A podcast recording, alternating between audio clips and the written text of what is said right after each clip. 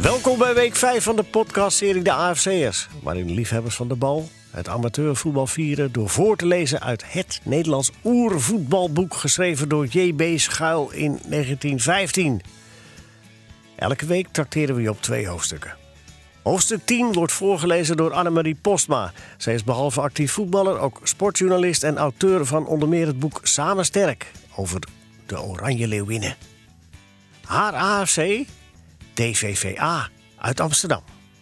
Maar we trappen vandaag af met hoofdstuk 9 door Frank Heijnen. Hij schrijft boeken, verhalen, columns en is de stem van het eindsignaal van Studio Voetbal. Zijn AFC, BFC uit Bussen. Negende hoofdstuk. De match. Het was stampvol op het AFC-terrein. Mannetje naast mannetje stond het kwartjespubliek op de plankiers langs de lijntjes. Eddie begon al te vrezen dat er geen plaatsje meer over was en zij dus niets meer van de match te zien zouden krijgen. De vijf vrienden kropen overal door en onder om nog maar een fijn staanplaatsje te vinden. Tweemaal hadden zij al geprobeerd om tussen de mensen door te biggen en stiekem naar voren te schuiven, maar beide keren werden zij smadelijk verdreven. Bij de tweede poging was het zelfs op ruzie uitgelopen en had Kees van een opgeschoten lummel van een jaar of achttien zo'n stomp voor zijn borst gekregen dat hij met een vaart tegen een magere juffrouw op de achterste rij aan was gebonst, die daardoor bijna achterover was gevallen. Toen had de vrijer van de magere juffrouw Kees de pet van zijn hoofd geslagen en de allerhartelijkste wens eraan toegevoegd dat hij om kon vallen en naar de bliksem kon lopen. De vijf vrienden hadden daarop maar geen nieuwe pogingen meer aangewend om zich een goede plaats te veroveren en ze waren juist van plan zich in de derde rij achter de dikke ruggen van een paar oude heren op te stellen, van waar zij alleen de bal zouden kunnen zien als die hoog door de lucht vloog, toen Piet Vlier nog een open plekje vlak bij de goal ontdekte. Zij holden erheen, kropen onder het plankier door en stonden er net piek, piekfijn, zoals Kees zei, toen de elf roodbroeken van Vitesse het veld opkwamen. Hoera, Vitesse! Hup, Vitesse! Hoera, Vitesse! hoorden de vijf AFC'ers overal om zich heen roepen. Hé? Wat was dat? Hoera, Vitesse! Hup, Vitesse! De jongens keken verontwaardigd om. Ja, waarachtig, het was waar. Eddie en Kees kregen het nu pas in de gaten. Ze stonden midden tussen een groep supporters van de vijandelijke partij. Hm, bromde Eddie. Hoera, Vitesse. Eddie zei het met zo'n diepe verachting dat Hein van Drumt, de held op sokken, al bang werd dat de omstanders het zouden horen. Kijk, Flippus, die zal ze er wel in shotten vandaag. Flip was de bekende, door AFC zeer gevreesde middenvoor van Vitesse. Eddie en Kees keken tegelijk om. Het was Piet Lane, een enthousiast Vitesse van de Mulo, die het durfde te zeggen. Moet je niet lachen, zei Kees zo hard dat Piet Lane het hoorde. AFC'ers! En de Vitesse wees met even grote geringschatting naar Kees en zijn makkers. Hup, flip! gilde Jaap Roos, ook al zo'n lamme Vitesser, om de vijf AFC'ers te pesten. Van Eyck staat al in zijn goal. Die zal van vandaag ook niet veel te doen krijgen. Die kan er gerust bij gaan zitten. Nee, maar dat was Kees en Eddy toch te machtig. Had je nou ooit zulke branischoppers gehoord? Zou je zulke kerels nou niet? Kees moest zich uiten, zei ineens zo hard dat de Mulo-jongens het konden horen. Opscheppers! Kees had zijn doel bereikt, de Vitessers vatten vuur. Zeg lui, riep Piet Lane en hij wees naar de vijf AFC'ers. Die kunnen vandaag ook wel naar huis gaan. Ingemaakt worden ze als augurken, lachte Jaap Roos. AFC gaat op de fles, reken maar van yes, zong Breveld, een lange Vitesser. Zingen kunnen we ook nog, wat zeggen jullie, lui? riep Kees lachend en hij zette in, natuurlijk zo vals als een kraai. Hop, hop, hop, hop, hop, hop, en Vitesse krijgt op zijn kop. De Vitessers namen het lied dadelijk over met een Val er al drie, val er al drie. AFC krijgt op zijn falie. Wel een minuut lang zongen de AFC'ers hun hop hop hop, de Vitessers hun val er al rally, toen Kees en Eddy plotseling hun pet in de lucht gooiden en als bezetenen schreeuwden, Hup AFC, hoera AFC! Ze hadden naast de tribune de bekende witte truien en korte blauwe broek ontdekt. Daar kwamen ze aan, achter elkaar, alle elf. Nee, wat was dat? Het waren er maar tien. Dolf Hovie, Ben Terheij, Jan Stoop, Jacques Pinke. Wel verdraaid, man is er niet bij. De adem stokte Eddy in zijn keel. Zou hij niet meedoen? Zou hij ziek wezen? Eddy durfde het bijna niet te vragen, bang dat Vitessers het zouden horen. Eindelijk vroeg hij: Zeg Kees, is Mannes ziek? Ik weet niet, zei Kees, die al even benauwd keek als zijn buurman. Ze lieten de Vitessers schreeuwen, hoorden zelfs nauwelijks wat er om hen heen geroepen werd. Ze hadden slechts één gedachte. Zou hij komen of zou hij niet komen? Als Mannes niet meedeed, dan was het mis. Dan kon AFC zich wel opschrijven. Dan zouden Kees, Eddy, Tony en Piet hier midden tussen al die lamme Vitessers hun club zien verliezen op hun eigen veld. Ze staarden onafgebroken naar die bekende plek naast de tribune, waar hij vandaan moest komen. Toen, ineens, een zucht van verlichting. Daar was hij. Hoera! Hup mannes! Hoera mannes! En plotseling werd het overgenomen en klonk het donderend als een oorlogskleed langs de lijntjes en op de tribune. Hup mannes! Hoera mannes! Het gezicht van hun beroemde voorwaarts gaf alle AFC'ers moed en deed voor een ogenblik zelfs de Vitesse-supporters verstommen. En toen, zeker van de overwinning, keerden Kees en Eddy zich om en riepen triomfantelijk: En Vitesse gaat op de fles, reken maar van yes. De Vitessers wilden terughonen, maar zwegen. De scheidsrechter bracht de fluit naar zijn mond. Een ogenblik was het hoorbaar stil op het grote AFC-veld. Er hing een merkbare spanning over die duizenden Vitessers en AFC'ers. Toen klonk daar opeens een korte, schrille fluit en van alle kanten hoorde je tegelijk het aanmoedigende Hup AFC! Hup Vitesse! Kees, Eddy, Tony en Piet letten er niet meer op wat Lane en zijn makkers riepen. Ze hadden nu alleen nog maar aandacht voor de bal daarvoor hen. Ha, prachtig. Dolf had hem voor zijn voeten, ging ermee vandoor. Als hij nou dadelijk eens een goal maakt. Zo'n eerste goal vlak na het begin gaf bij een plaatselijke ontmoeting meestal de beslissing. Dat gaf het moreel dadelijk zo'n flinke opstopper, had Bob, de sportredacteur van het dagblad, gisteren nog in zijn voetbalrubriek geschreven. Prachtig, dan zal je het hebben. Dolf centert naar Trip. Mooi zo, mooi zo. Die gaat erin, die gaat erin. Hup AFC! gilt Eddy boven alles uit. Wel verdikkie, Van Eyck heeft hem gestopt. Roets, weg goal. Is het niet zonde en jammer, zo'n dot van een kans? Zat bijna. Hoor die lamme Vitesse zijn schreeuw. Ja, natuurlijk, die zijn in hun sas. Oh la la, Flip, Bomans heeft de bal. Het hart van Eddy klopt hoorbaar. Kees staat als een standbeeld. Ah, daar komt Hoekie de bek. Vooruit Hoekie, vooruit Hoekie! Wat is dat? De Vitesse schiet? Nee, maar het is nog niet waar, dat kan toch niet? Waarachtig, het is zo. Die stomme stoop heeft hem door zijn handen laten glippen. Hij zit. Die stommeling, roept Kees verontwaardigd. Hoera! Hoera!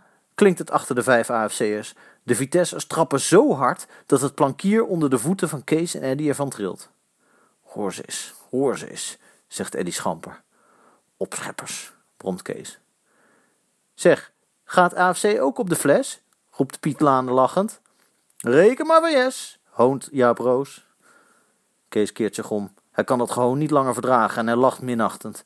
Kijk ze nou eens, wat een plezier, och, och, och, om één enkel goaltje. Hadden jullie hem maar, hè? giechelt Breveld. Het is nog geen vier uur, roept Kees. Hij wil nog wat zeggen, maar hij hoort fluiten. Ze zijn weer begonnen. Nee, maar wat mankeert die lui toch vandaag?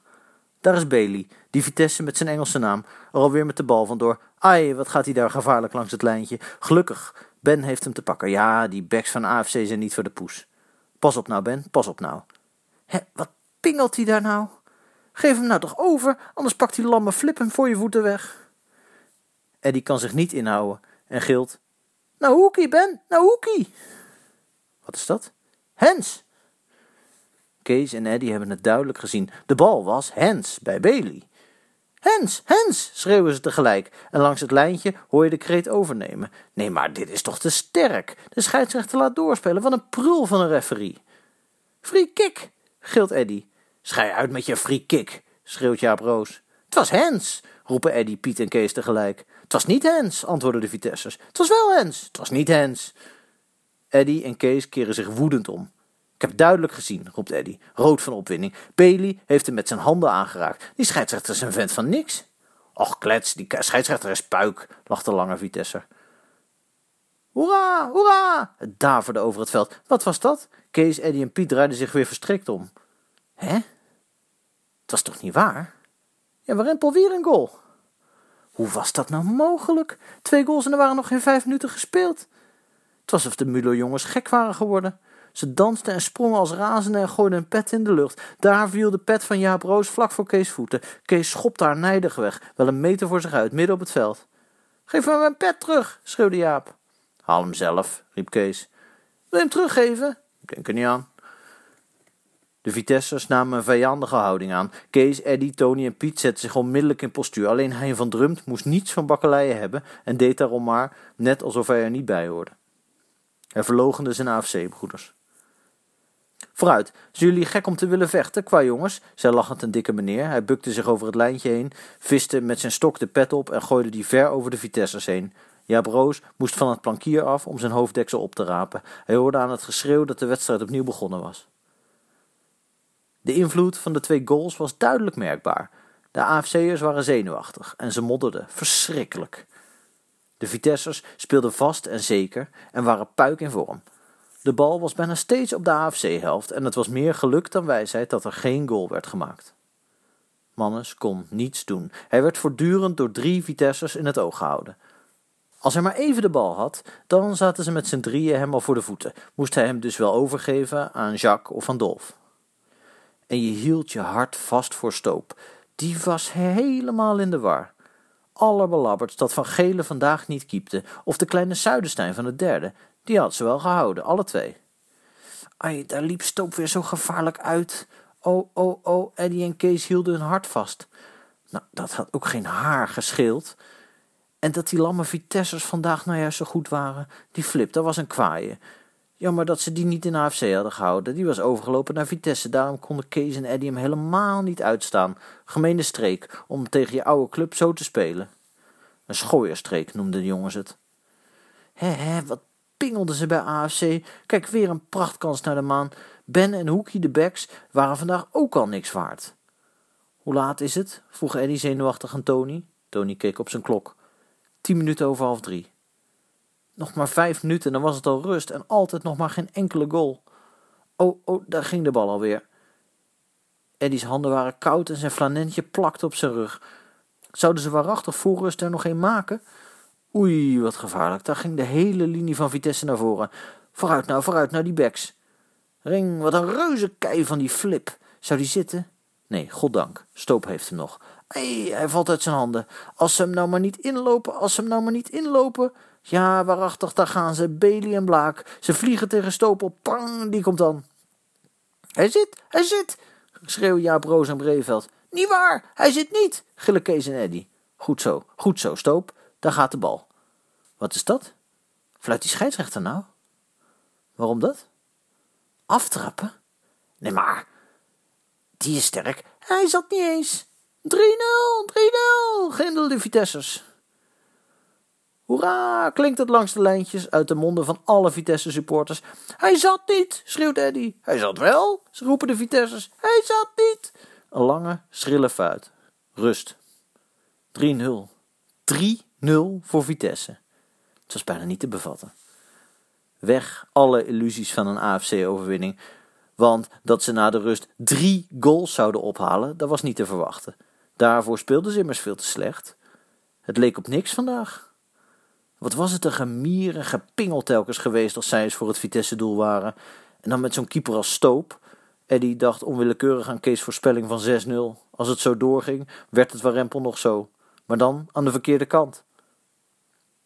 Maar wat was dat dan ook voor scheidsrechter? Die kerel zag de kleinste overtreding bij AFC, maar bij Vitesse zag hij niks. Die vent was vals, die was gemeen. Die kerel had wat tegen AFC, dat was zo klaar als een klontje. Vuile streek van die laatste goal, die zat niet, zei Piet Vlier nog eens. Achter zich hoorden de vijf AFC'ers het hoongezang. De rally, val er al de rally, met 3-0 krijgen ze op de valie. Willen we wegwezen? fluisterde Hein van Drumt. Hein voelde zich heel niet lekker tussen al die opgewonden Vitessers. Ben je mal? zeiden Kees en Eddy. Laat ze maar zingen. Zingen doet geen pijn. Ze zeiden het met een onverschillig gezicht, al doorpriemde dat hatelijke gezang ook hun voetbalharten. Nou, waar blijven jullie nou? riep Jaap Roos nog eens. Stik, antwoordde Kees. Het was kort, maar krachtig.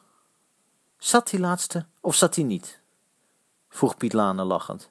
Die zat niet, zei Kees. Als het eerlijk was gegaan, dan stond het nou 1-0, beweerde Eddy. Och, wat je zegt, schreeuwden de Vitessers.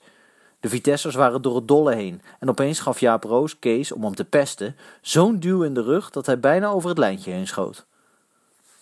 Op hetzelfde ogenblik keerde Eddy zich om. Raak ons nog eens aan, als je durft. Dan sla ik op je bakkers, riep Kees, wit van drift. Niet vechten, niet vechten, jongens, suste de dikke gemoedelijke heer van de wandelstok. Dan moeten zij hun handen thuis houden, riep Eddy woedend. Wij doen toch ook niks, schreeuwde Kees. Nou ja, nou ja, het was een aardigheid, kalmeerde de dikkerd. Maar er waren onder het kwartjespubliek die zo'n ruzietje blijkbaar niet onaardig vonden en die hitsten de jongens op met een prikkelend ks. Vooruit jongens, laat je niet kennen. De gemoedelijke dikkerd die van rust hield bestrafte vermanend. Wat hebben jullie daar nou aan om die jongens tegen elkaar op te zetten? Met een zekere minachting voegde hij eraan toe. Is dat nou werk voor grote kerels? Ik zou me schamen. Maar daar vatte opeens een opgeschoten jonge vlam. Eddy kende hem wel. Het was een slagersknecht van de Breestraat. Hij zette zijn pet schuin op zijn lokken en riep: Waar bemoei jij je mee, uitgedroogde frikandel? De uitgedroogde frikandel, die niet begreep hoe hij aan die titulatuur kwam, suste weer. Nou, nou, nou, nou, nou. Maar de slagersknecht kreeg, tot grote schrik van de dikkerd, steun. Nee, mijn kameraad het gelijk. Bemoei jij je met je eigen zaken? Opgezette salamander, dreigde een potig uitziende kerel. Als je bakkeleien wil, lust je wel, tartte de slagersknecht. Kom er dan maar eens tussen, inviteerde de potige kameraad. De dikke goedzak voelde zich allesbehalve op zijn gemak. Het was duidelijk op zijn gezicht te lezen dat hij dacht: waar ben ik aan begonnen? Wat ben ik aan begonnen? En hij verlangde meer dan enig ander op het veld naar de terugkomst van de twee elftallen. Nou, waar blijf je nou met je vijf ons? sarde de slagersknecht weer. Wie binnen er nou flauwe kerels, jij of wij? vroeg de potige. Maar de vredestichter antwoordde niet. Hij stond met zijn stok gaatjes in het AFC-veld te prikken en zei zachtjes tegen de juffrouw die naast hem stond: Laat ze maar praten. De ruzie van de grote had hij van de kleine geheel op de achtergrond geschoven. De AFC'ers en de Vitessers waren een en al spanning hoe het met de dikkerd zou aflopen en zij hoopten zelfs in hun hart op een klein vechtpartijtje. Maar toen de jongens de rood- en blauwbroeken weer op het veld zagen verschijnen, begrepen zij dat er voor drie kwartier wapenstilstand zou worden gesloten. De slagersknecht schoof zijn pet weer recht op zijn lokken en schold: Wat een lef! En de potige waarschuwde de goedige dikzak nog eens veelbetekenend: Als je hem maar verder gedekt wil houden. Toen keken zij alle, Dikkert, Slagersknecht, de Potige, de AFC'ers en de Vitessers, naar de twee elftallen voor hen en waren weer een en al aandacht voor de match die opnieuw begon. Eddy en Kees waren er niet geheel en al in als voor de rust. Het werd nu na de rust een vrij saaie vertoning. Er was geen vuur en geen pit meer in de twee elftallen. Het was duidelijk te merken. AFC speelde een verloren spel en ook Vitesse spande zich niet bijster meer in. Drie goals, die waren toch niet meer in te halen. Eddy had Klaas Dauma ook ontdekt. Die stond te glunderen naast Dientje, alsof hij de honderdduizend uit de staatsloterij had getrokken. Wat zou die morgen in de keuken een drukte schoppen met zijn Vitesse? Eddy dacht erover om niet te gaan, om Klaas maar stil in zijn vet te laten gaarkoken. Lamme middag, dacht Eddy. We hadden meer plezier van ons kwartje kunnen hebben. Alweer bijna een half uur gespeeld en nog geen goal. Och, ze konden gerust naar huis gaan. Wat was dat nou voor elftal? Eddy schaamde zich dood tegenover de Vitessers achter zich. Ah, eindelijk is Mannes is los. Prachtig, Mannes, zo gaat hij goed, vlak langs het lijntje. Mooi zo. Nou, hem centeren naar Jacques. Zie je wel, dan gaat hij al fijn naar voorzet. Poem, harrejennig, wat een reuzenkei van Jacques. Die hoorde je op de markt. Ja, Van Eyck, kijk er maar achterna, jongen. Hij zit. Eindelijk, eindelijk, één goal. Nou is tenminste de eer gered. Nog twintig minuten. Nee, inhalen zullen ze natuurlijk niet. Toch maar eens schreeuwen. Hup, mannes, hup, AFC! Ai, daar heb je het al. Dan gaat die lamma flip er weer vandoor. Nee hoor, het is alweer mis. Zou het 4-1 worden? Zou het 4-1 worden? Oh, als Stoop hem nou eens hield. Als hij hem nou eens... Verdorie, daar gaat de bal. Goed zo, Stoop. Mooi gestopt. Oh, niet ver genoeg, niet ver genoeg. Zie je wel, daar komt Bailey al aan. Daar zal hij... Was dat? Nee, maar wat doet Stoop nou? Laat zich pal voor Bailey vallen, dat is gewaagd. Als de Vitesse verkeerd trapt en een stoop erbij, dan krijgt hij de trap zo tegen zijn kersenpit. Dan vliegt de bal. Mooi zo, fijn stoop. Een donderend applaus van de tribunes en langs de lijntjes. Hoera, hoera, gillen Eddie, Kees, Tony en Piet. Schitterend, roept Kees. Hij heeft Stoop tegelijk al zijn fouten van die middag vergeven. Eddie springt opeens wel een meter de lucht in. Mannes heeft de bal. Daar rent hij, helemaal alleen door alles heen. Kijk hem eens vliegen. Wat kan die kerel toch drijven? Zou hij het halen? Kijk, Rovers is naast hem lopen. Dat is ook het taaie, die halfback van Vitesse. Wat doet Mannes nou? Hij wijkt helemaal naar links uit en er is geen enkele AFC'er voor het doel. Nee, die ren loopt dood. Is nou wat te zien. Zie je wel, Van Eyck heeft het al in de gaten. Hij staat helemaal links in de goal. Hè? Eddie en Kees staan met open monden alsof de bal zo tussen hun kaken is doorgevlogen. Zo'n prachtschot hebben ze nog nooit gezien. Precies in de rechterhoek. Hoe is het mogelijk? Zuiver kon het niet. 3-2. Nog eentje. Nog eentje AFC. Nog eentje. Hup AFC. Ze schreeuwen, ze zingen, ze brullen om de gelijkmaker. Eddie, Kees, Tony en alle makkers daar aan de overkant op de jongenstribune. Nog tien minuten spelen. Prachtig. Het zou mogelijk zijn. Als het is gebeurde. Als het is gebeurde. Kees en Eddie schreeuwen, ze trappen, ze klappen. Er is nog hoop, er is nog hoop. Ze horen in een opwinding niet eens dat Piet Lane en zijn kornuiten... Hup Vitesse, vooruit Vitesse, schreeuwen. De bal is weer afgetrapt, is binnen vijf seconden vlakbij het AFC-doel, maar Stoop werkt prachtig weg. Hij is enorm gewoon, roept Kees enthousiast. En Eddy is innig dankbaar dat daar tussen de goalpalen op dit ogenblik Jan Stoop staat. En niet van Gele of de kleine Zuidenstein uit de derde. Nee, als het spant kun je die toch niet gebruiken. Nee, maar zo hebben ze het nog nooit gezien. Sapper de kriek, wat spelen ze nou fijn. Wat een samenspel, wat een samenspel. Kijk, dat opbrengen van zo'n bal door de voorhoede, dat keurige shortpassing, daar kunnen die lamme Vitessers toch niet tegenop. Hup, AFC, gelijk AFC. Oh, daar gaat hij, daar gaat hij. Opeens springen Kees en Eddie op. Dat is vuil, dat is gemeen, roepen ze tegelijk. Ze hebben het duidelijk gezien. Flip heeft Jacques in de rug genomen, vlak voor het doel. Zou die beroerde scheidsrechter daar nou weer niks van gezien hebben? Free kick, schreeuwen zij weer. Ah, goddank, hij fluit. Strafschop! Het zou ook al te erg wezen als hij dat niet gezien had, zei Eddie. Het werd doodstil op het veld. Mannes stond achter de bal. Van Eyck danste in zijn goal heen en weer en alle Vitesse stonden er naar te kijken in grote, opperste spanning. Als hij er nou eens inging, dan was het gelijk, dan was het gelijk. Eddie zou het de bal wel willen kunnen smeken om de goede richting uit te gaan. Hoorbare stilte. Boem. Hoera! Gelijk! Gelijk! Gelijk! brullen alle AFC'ers. Hoe laat is het? vraagt Eddie weer. Nog vijf minuten, ligt Tony in. Nog vijf minuten? Het zou waarachtig nog kunnen. Nee, het gaat niet meer. De scheidsrechter loopt dan met zijn horloge in de hand, de fluit in zijn mond. Enfin, toch gelijk, toch niet verloren. Wie had dat nog met de rust durven hopen? Toe, toe, toe, toe nou. Wat gaat die bal de goede richting uit? Wel verdraaid, hij is weer vlak bij het doel. Zou het nog? Zou het nog? De Vitessers doen niets meer dan verdedigen, zwermen allemaal om hun doel. Zie je wel, ze zijn als de dood, roept Eddy. Daar staan ze bijna allemaal samen voor de goalpalen. De Vitessers en de AFC's. Het lijkt wel een kluwe. En de bal? Ja, je zou hem erin kunnen blazen. Vloep, daar gaat hij. Ze zien niet eens wie er getrapt heeft. Hé, wat eeuwig jammer, juist tegen de bovenlat. Maar was dat? Wie kopt daar? Mannes! De keeper slaat met zijn handen in de lucht, heeft het nakijken. Hoera, hoera, hoera, 4-3, 4-3, 4-3. Kees, Eddie en Tony, ze kunnen haast niet meer schreeuwen. Toch nog even Jaap Roos, Piet Lane en al die mulo-kerels honen. Ze keren zich om. Hop, hop, hop, hop, hop, hop. En Vitesse ligt op zijn kop. Schreeuwen ze met schitterende ogen. Brani-schoppers, opscheppers, klinkt het van de achterste rijen. Het is alles precies als voor de rust, alleen zijn de rollen nu omgekeerd. Eddie ziet even vluchtig naar Klaas Dauma, die kijkt Chip alsof hij zijn laatste oortje versnoept heeft. Eddie besluit tegelijk om Klaas morgen dadelijk in de keuken op te zoeken. Een lange fluit. Einde!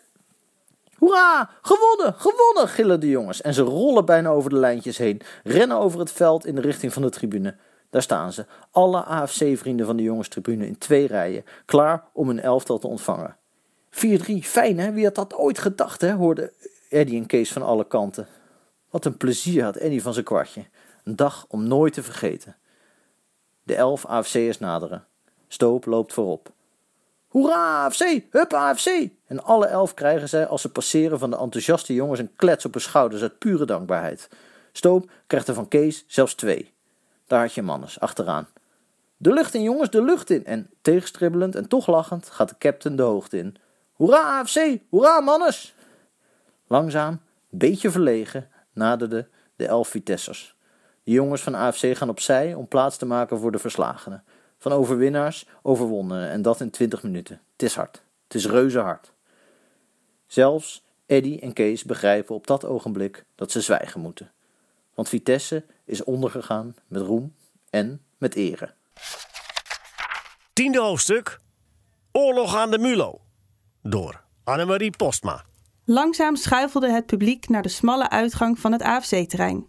Eddie en Kees liepen tussen al die mensen en het was nu voor hen een apart genot om te luisteren naar de opgewonden uitlatingen van de enthousiaste AFC'ers om hen heen. Een mooie match, hè? Een prachtige match, hoorde zij een korte, dikke meneer met een pelsjas aan tegen een lange, magere met een hoge hoed op zeggen. Magnifiek, magnifiek, beaamde de lange magere. Die mannes was gewoonweg enorm vandaag, roemde de pelsjas weer. Schitterend, schitterend, beaamde de magere. Ik heb ze nog nooit zo gezien als in die laatste twintig minuten. Tja, het was zeldzaam, zeldzaam, knikte de hoge hoed. Kees en Eddy glommen van plezier toen ze al die loftuitingen op hun club, hun elftal hoorden. Het was of het hun zelf gold, of zij zelf door de pelsjas en de hoge hoed in de lucht werden gestoken. Het is me toch een aardig spel, voetballen, zo animerend, piepte een nuffig uitziende dame op hoge hakjes die vlak naast Kees liep. Aardig, mevrouw. Een prachtspel is het, een prachtspel, roemde de pelsjas. Als ik ooit nog eens jongens krijg, dan laat ik ze de hele dag voetballen. Niks gezonder voor de jeugd. Eddie en Kees keken onwillekeurig om naar die merkwaardige man, die zijn jongens altijd wilde laten voetballen. Hé hé, ik wou dat ik jouw jongen was, dacht Eddie, en hij fluisterde Kees in zijn oor. Die dikkerd moest eens weten bij mijn vader op visite komen. Als HVV in Rotterdam verloren heeft, dan hebben ze waarachtig nog kans op het kampioenschap. Het was meneer Dooyer, een enthousiaste AFC'er die het zei. Het klonk Eddy en Kees als muziek in de oren. Ja, warempel, daar hadden ze nog niet eens aan gedacht. Vanavond, zeven uur, gauw naar de Voorstraat, Kees, zei Eddy, glunderend van innerlijk genoegen. Niemand hoopte vuriger op een HVV-nederlaag dan hij. Kees, de optimist, was er al van overtuigd dat HVV op zijn kop had gekregen. Je zult het zien, Ed, wij worden kampioen, zei hij met zo'n aplomb dat de heer Dooyer omkeek en lachte. De geven vijf, hè Kees? grapte de AFC-supporter. Nou en of, meneer, riep Kees tot algemene hilariteit van het publiek opgewonden uit. U slaat, geloof ik, ook niet veel matches over, nietwaar, meneer Dooyer? vroeg de dame op de hoge hakjes. Ik, mevrouw? Nooit, antwoordde de heer Dooyer. En mevrouw Dooyer voegde er met een zekere trots aan toe. Als onze Jan meespeelt, mankeren wij nooit. Dan gaan wij altijd samen mee, al is het ook naar Rotterdam of Dort. Ondanks al zijn vreugde had Eddy even het land. Hij beneed Jan Dooyer en de jongens van de Pelsjas, die nog geboren moesten worden. Wat zou Eddy er niet voor over hebben, als zijn vader hier nou eens tussen al die mensen kon lopen? Want dit waren toch waarachtig geen kleine jongens die dat zeiden? Een meneer met een pels, een dame op hoge hakjes, meneer en mevrouw Dooyer, er waren toch ook niet de eerste de beste? Zijn vader wou altijd maar beweren dat voetballen voor grote, ontwikkelde mensen geen spel was om naar te kijken.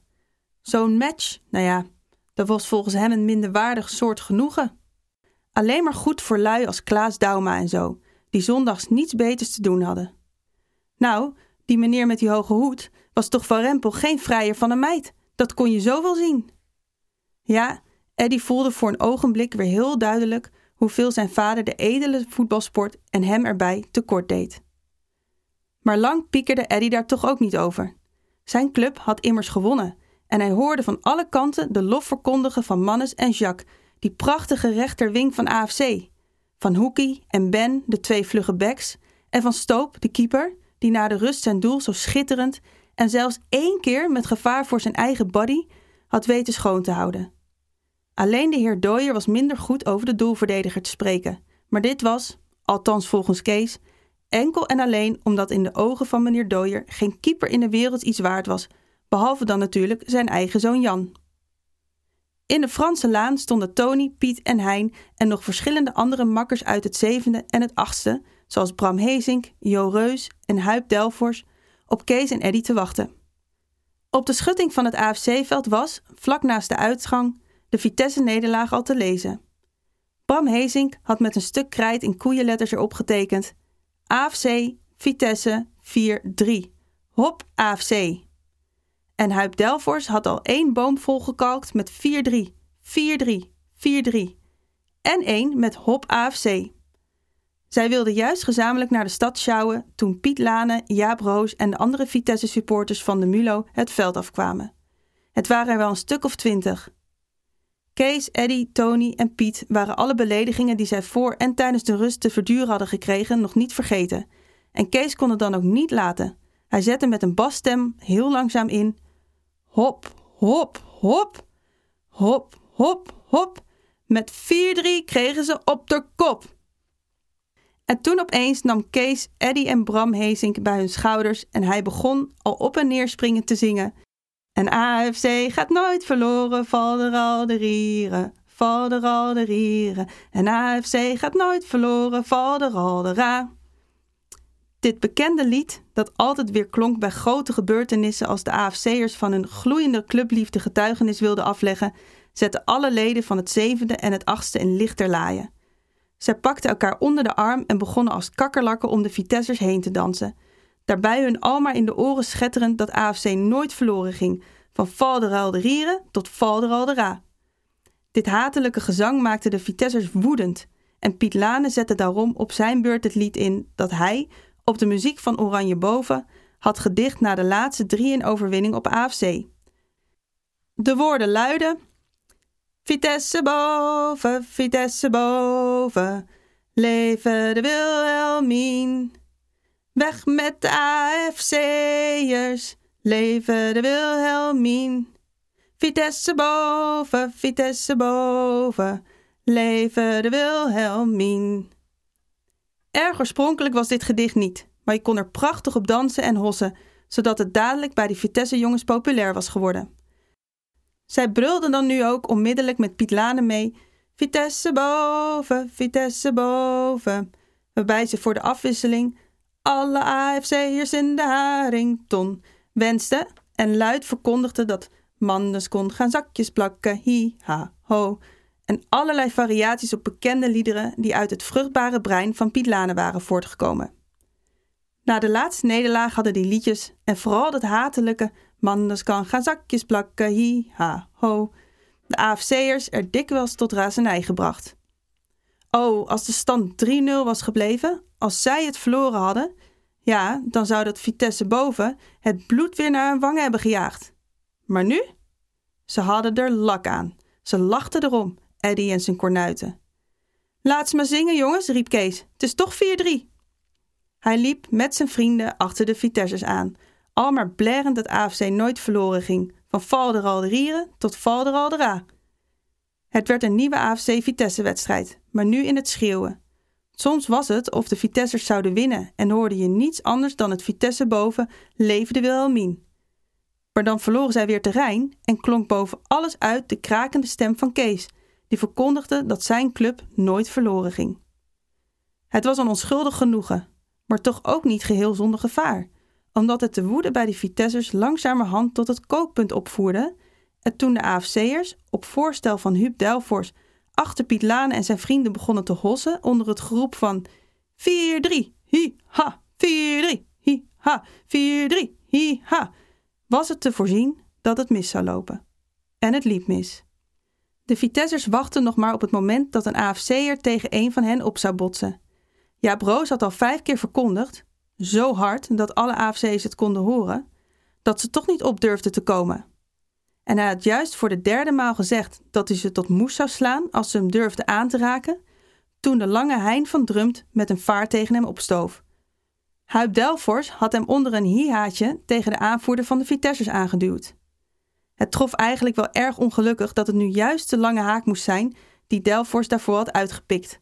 Want Hein voelde er absoluut niets voor om een robbertje te gaan vechten. Maar gelukkig voor de haak was Jaap Roos ook meer een held met de mond dan van de daad. Jaap keerde zich dan ook alleen maar om en inviteerde Hein om nog eens tegen hem aan te vliegen. Deze uitnodiging van Jaap Roos was het zijn voor alle Vitessers om te blijven staan en een dreigende houding tegen de AFC'ers aan te nemen. Nou, vooruit. Kom nou nog eens aan me als je durft, zei Jaap voor de tweede maal. De lange haak bleek volstrekt niet van plan om op de vriendelijke invitatie van Jaap, hoe goed ook bedoeld, in te gaan. En de Vitesser, die in de gaten kreeg dat hij niet durfde, voelde zich opeens tienmaal moediger en sarde: Nou, waar blijf je nou? Toen keerde hij zich naar zijn vrienden en riep honend: Zie je, daar heb je nou die AFC'ers. Beetje achter onze rug schreeuwen, dat durven ze, maar vechten, ho maar. Hij wilde zich al, blij met deze gemakkelijke overwinning, triomfantelijk omkeren. Toen Kees, Eddy en Bram Hezing naar voren sprongen en woedend uitriepen: Niet durven? Vooruit, kom maar op jullie! En zij stonden al in postuur om de slag te beginnen. De belediging AFC aangedaan was te erg. Die konden ze niet op zich laten zitten. Hallo Hein, laat je niet kennen, riep Eddy. Het werd voor de lange haak nu bepaald benauwend. Van vechten moest hij al heel weinig hebben, maar om zich te laten kennen, hier voor al die Vitessers en AFC'ers, dat ging toch ook niet op? Dat voelde Hein heel goed. Liever nog maar een pats op zijn gezicht dan voor een lafaard te worden uitgemaakt. De haak vermande zich dus en zei zo flink mogelijk: Nou, nou, begin dan! Dit was het uiterste waartoe hij durfde te gaan. Hij had nog altijd een stille hoop dat het bij een wederzijds dreigen zou blijven. Maar nu begon het Kees te vervelen. Kom op, jongens, vooruit! Hup, AFC! Hi-ha, hi-ha, hi-ha, riep hij en hij hoste met Eddy en Bram Hezink aan zijn armen tegen de Vitessers op. Op hetzelfde ogenblik was het gevecht over de hele linie algemeen. Kees lag met Piet Lane, Eddy met Van Krieken, een zware Vitesser op de grond. Tony hing aan de hals van de lange Breveld en worstelde om hem eronder te krijgen, terwijl Bram Hezing zijn handen vol had aan twee Vitessers, die met z'n beiden de gladde, watervlugge AFC'er te lijf waren gegaan. Maar het ongelukkigst van iedereen was de lange Hein van Drumt eraan toe. Hij had, toen hij zag dat het gevaar niet meer te keren was, als een razende, met zijn ogen gesloten, om zich heen geslagen om op die manier Jaap Roos van zich af te weren. Jaap had een paar lelijke opstoppers tegen zijn wangen en zijn neus gekregen, maar had tenslotte de lange, slappe haakbeentje weten te lichten. Nu lag hij bovenop zijn tegenpartij en roffelde, uit wraak over de hem toegebrachte slagen, ongenadig op de zo ongelukkige Hein los. En de haak, die geen kans zag onder zijn vijand vandaan te komen, begon te schreeuwen als een speenvarken in de hoop dat men hem uit zijn netelige positie zou redden. Het gevecht was hevig maar kort, want van alle kanten kwamen al heel spoedig oudere en dus minder oorlogzuchtige Vitessers en AFC'ers toelopen om de strijdenden van elkaar te scheiden. Zonder onderscheid des persoons werden de Vitessers en de AFC'ers door het publiek bij hun kraag gepakt en van elkaar getrokken. En Jaap Roos kreeg zelfs, tot grote voldoening van Hein van Drumt, van een meneer een geweldige draai om zijn oren, omdat hij zo vals was een jongen die onderlag zo te slaan. Alleen met Kees en Piet Lane ging het minder gemakkelijk om ze van elkaar te krijgen. Alle Vitessers en AFC'ers stonden alweer goed en wel overeind, toen Kees en Piet nog als een kluwe over de grond rolden. Kees had een hele tijd ondergelegen en hij was juist op weg om naar boven te komen toen ze hem van Piet wilde scheiden. Maar Kees liet niet los. Hij wilde eerst de voldoening hebben om bovenop de Vitesser te zitten. Hij voelde duidelijk dat ze de goede richting uitgingen en Kees werkte en zwoegde om met zijn dikke lichaam bovenop te komen. Willen jullie uitscheiden dadelijk? Het was de heer Lane, het hoofd van de Mulo en een oom van de Vitesser die het zei. Maar Kees dacht er niet aan, hoorde trouwens in zijn vuur nauwelijks wat er gezegd werd. Hallo, laat los, weer lichtse jongen! De heer Lane pakte Kees bij zijn jasje en trok. Beide jongens gingen de hoogte in. Los, zeg ik je! Een draai om de oren en Kees liet zijn prooi schieten. Jullie moesten je schamen om te vechten, zei het hoofd van de Mulo tot zijn leerlingen. Jullie zijn begonnen, verdedigde Piet zich. Jullie zijn begonnen met ons te honen, riep Eddy en Kees tegelijk. Dat is niet waar, riep de Vitesser. Dat is wel waar, riepen de AFC'ers. Het ging er werkelijk op lijken of zij het robbertje nog eens over wilde vechten, maar de heer Lane maakte er een eind aan. Vooruit, opgemarcheerd, zei hij. En tegelijk dreef hij de Mulo-jongens, over wie hij het meest te vertellen had, voor zich uit. De AFC'ers bleven staan, allemaal, behalve dan de lange haak, vastbesloten om de Vitessers vandaag of morgen weer op hun gezicht te slaan, als de mannen nog eens zakjes wouden laten plakken, of AFC durfde te honen. En gezamenlijk gingen ze terug naar de stad, elkaar bij herhaling verzekerend dat zij zich niet door die lamme Vitessers op de kop zouden laten zitten. Spoediger dan zij verwacht hadden, zagen de AFC'ers zich in de noodzakelijkheid om de Vitessers op hun gezicht te slaan. Er gebeurden diezelfde avond dingen die Eddy en zijn vrienden tot razernij brachten. En er was de volgende morgen dan ook geen enkele AFC'er die het niet volkomen met Keesje Brummer eens was dat de eerste klas van de HBS aan de Mulo-jongens de oorlog moest verklaren. Toen Eddy en Kees die maandagmorgen bij school kwamen, hoorden zij het dadelijk van alle kanten. De Vitessers hadden de kleine Bram Heesink en Jo Reus de vorige avond te pakken gehad. Hoe het precies was gegaan, wist eigenlijk niemand te vertellen, maar er gingen de meest wonderbaarlijke verhalen rond. Het moest om half acht gebeurd zijn op de Voldersgracht, nadat Bram en Jo bij het dagblad waren geweest. Waarom de Vitessers de twee AFC'ers hadden aangevallen en met hoeveel ze wel waren geweest, geen enkele jongen kon het met zekerheid zeggen. Maar dat het er rauw aan toe was gegaan, daar was geen twijfel aan. Huip Delfors had gehoord dat de Vitessers wel met z'n veertigen waren geweest en dat ze Bram en Jo onverwachts, als alpachen, in de rug hadden aangevallen. En Tony Hespers wist te vertellen dat ze Bram Hezink zo hadden toegetakeld dat hij wel een maand in bed zou moeten blijven. Zijn oor moet er helemaal bijhangen, verzekerde Tony. Wat een ploerte, riep Eddy, wit van woede uit. Daar kwam Piet Vlier met het laatste nieuws. Jo Reus liep met zijn arm in het verband. Ze hadden hem zo tegen een stoep aangesmakt dat hij zijn pols had gebroken. Toen de dikke Kees dat hoorde, wou hij op hetzelfde ogenblik naar de Mulo toe, om maar dadelijk met de Vitessers af te rekenen. Hij wou er geen gras over laten groeien. Veertig Vitessers tegen twee AFC'ers. Dat moest gewroken worden, dadelijk. Hein van Drumt, voorzichtig als altijd, merkte op dat het al tien minuten voor half negen was, waarop besloten werd om het tot twaalf uur uit te stellen. Maar dan ook geen minuut later. Om twaalf uur zouden ze de Vitessers bij de Mulo afwachten en ze op hun ziel geven, dat ze er voor jaren genoeg aan hadden. Oorlog, jongens! De oorlog aan de Mulo! riep Eddy boven iedereen uit. En Huip Delfors, die altijd in Karl Maaien las, schreeuwde opgewonden: Leven de bloedwraak! Een oorlog met de Mulo! Geen jongen, met uitzondering dan misschien van de lange haak, die er niet warm voor voelde.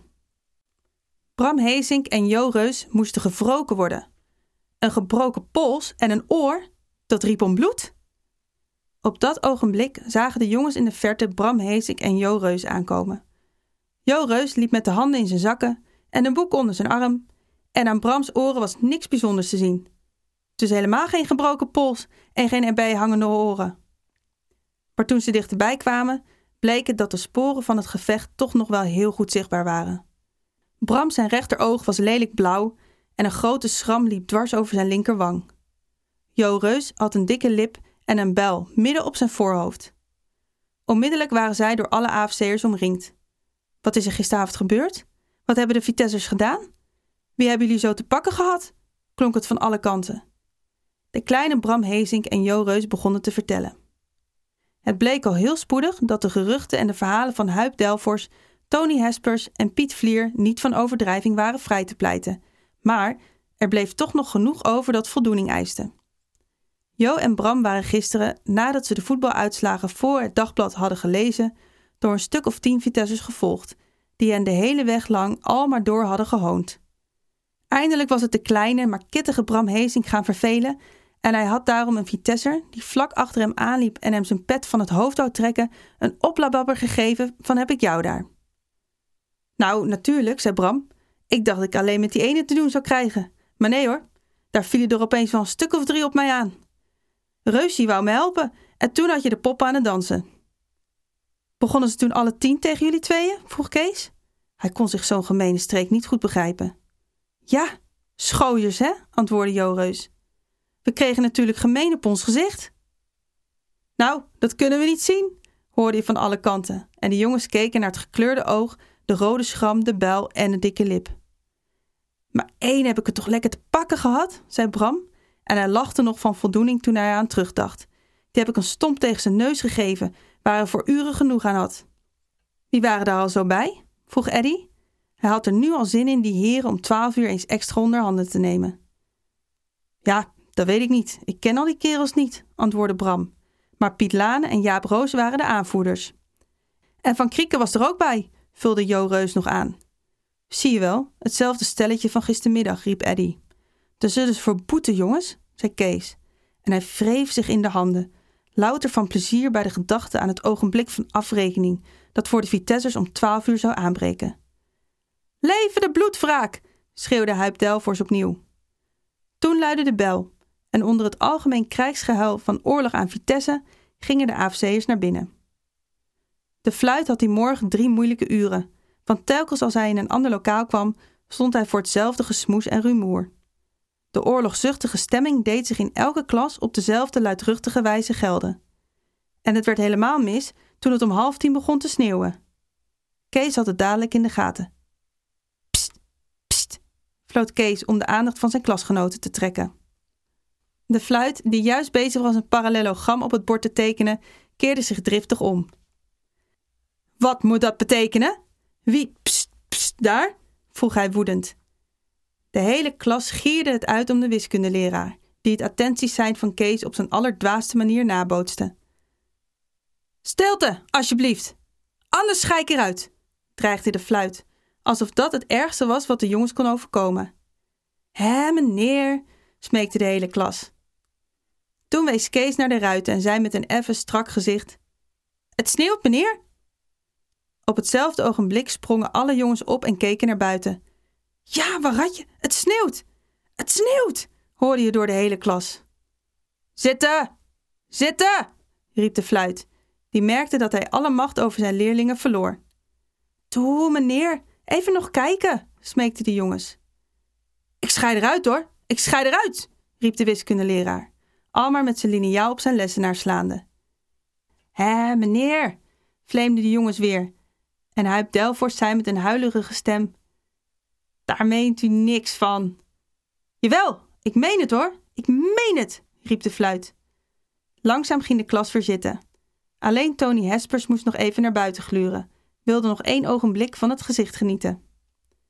Ga er maar uit, Hespers, ga er maar uit, riep de leraar woedend. Tony schrok zich een ongeluk. Eruit? Dat betekende om twaalf uur school blijven, niet naar de Mulo gaan en niet meevechten tegen de Vitessers. Dat zou al te hard zijn. Ik zit al, meneer, zei Tony en hij smakte neer op zijn bank. Nee, nee, hoor je het niet? Eruit, zeg ik je, eruit! Hé, meneer, toe, meneer, voor deze ene keer, klonk het weer in koor. Nee, ik schei eruit, ik heb genoeg van. Ik schuil eruit qua jongens. En de heer Rijsma, zoals de fluit officieel heette, zette zijn hoed al op om weg te gaan. Maar daar moesten de kwa jongens niets van hebben. De fluit zou de hele boel in de war jagen als hij een eind aan de les maakte. En dat terwijl het sneeuwde, nu het juist zo reuze fijn beloofde te worden. Kees zou het nog eens proberen. Hij wist bij ondervinding dat de heer Reizema meestal maar dreigde en dat een goed woordje nooit zijn uitwerking op de fluit miste. We zullen erg stil wezen, meneer. Echt, meneer, zei Kees. En hij trok een toet zo onderdanig dat hij daarmee de meest hardvochtige leraar had kunnen vermurven. De goedige fluit, die alweer blij was dat hij de les niet hoefde te staken, kwam terug. Nou, dan voor deze ene keer. Bijna bedierf Bram Hezink het nog door als een oude jonge juffrouw te kwelen. Hé, ja, we zullen zoet wezen, meneer. Maar Kees gaf Bram een stomp in zijn rug en zei met het meest ernstige gezicht van de wereld: Pas op hoor, anders ga je eruit. Even keek de fluit nog wantrouwend naar Kees en Bram. Maar toen hij alle jongens heel ernstig en stil en met de handen netjes op de lessenaars zag zitten, begreep hij dat het pleit gewonnen was.